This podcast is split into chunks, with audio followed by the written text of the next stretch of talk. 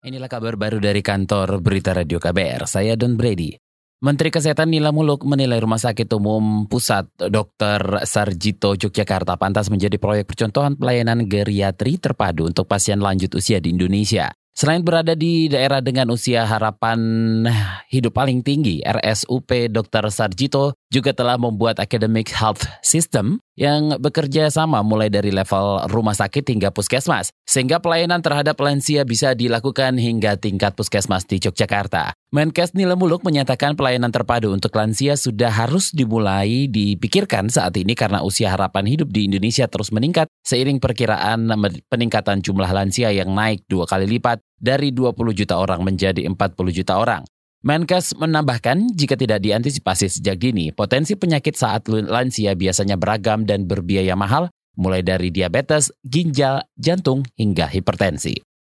Saudara Kementerian Sosial memastikan seluruh bantuan tahap 2 untuk pengungsi korban konflik di Kabupaten Duga Provinsi Papua terkirim pekan ini setelah koordinasi dengan aparat keamanan Dinas Provinsi Papua dan Dinsos Kabupaten Wamena. Dalam keterangan tertulisnya Menteri Sosial Agus Gumiwang Kartasasmita menyebut penanganan pengungsi korban konflik Kabupaten Duga harus melibatkan semua unsur pemerintah pusat, pemerintah daerah, dan TNI Polri. Apalagi penanganan pengungsi Duga berbeda dengan penanganan pengungsi korban bencana alam. Kementerian Sosial juga mengaku ada kendala dalam pendataan pengungsi Induga karena banyak dari mereka yang berada di rumah kerabatnya. Bantuan terhadap pengungsi akibat konflik bersenjata di Provinsi Papua terdiri dari dua tahap dengan nilai lebih kurang 740 juta rupiah. Tahap pertama yang disalurkan berupa beras dan sembako, sementara bantuan tahap kedua terdiri dari perlengkapan bermain, ber, belajar anak, olahraga, serta perlengkapan kebutuhan kelompok rentan seperti balita, lansia, kebutuhan khusus.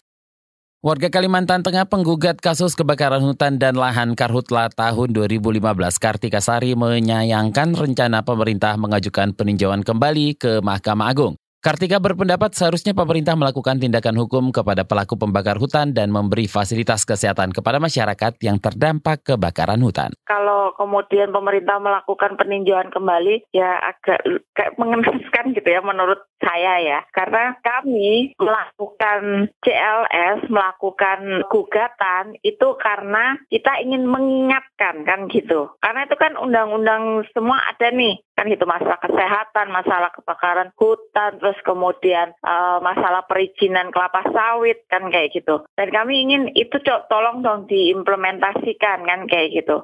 Itu tadi Kartika Sari warga Kartika Sari warga Kalimantan Tengah penggugat kasus kebakaran hutan dan lahan 4 tahun lalu. Mahkamah Agung sebelumnya menolak kasasi yang diajukan pemerintah selaku tergugat hakum kasus karhutla di Kalimantan Tengah. Mahkamah Agung juga menguatkan vonis tingkat banding yang menyatakan Jokowi dan jajarannya melakukan perbuatan melawan hukum sehingga terjadi kebakaran hutan dan lahan.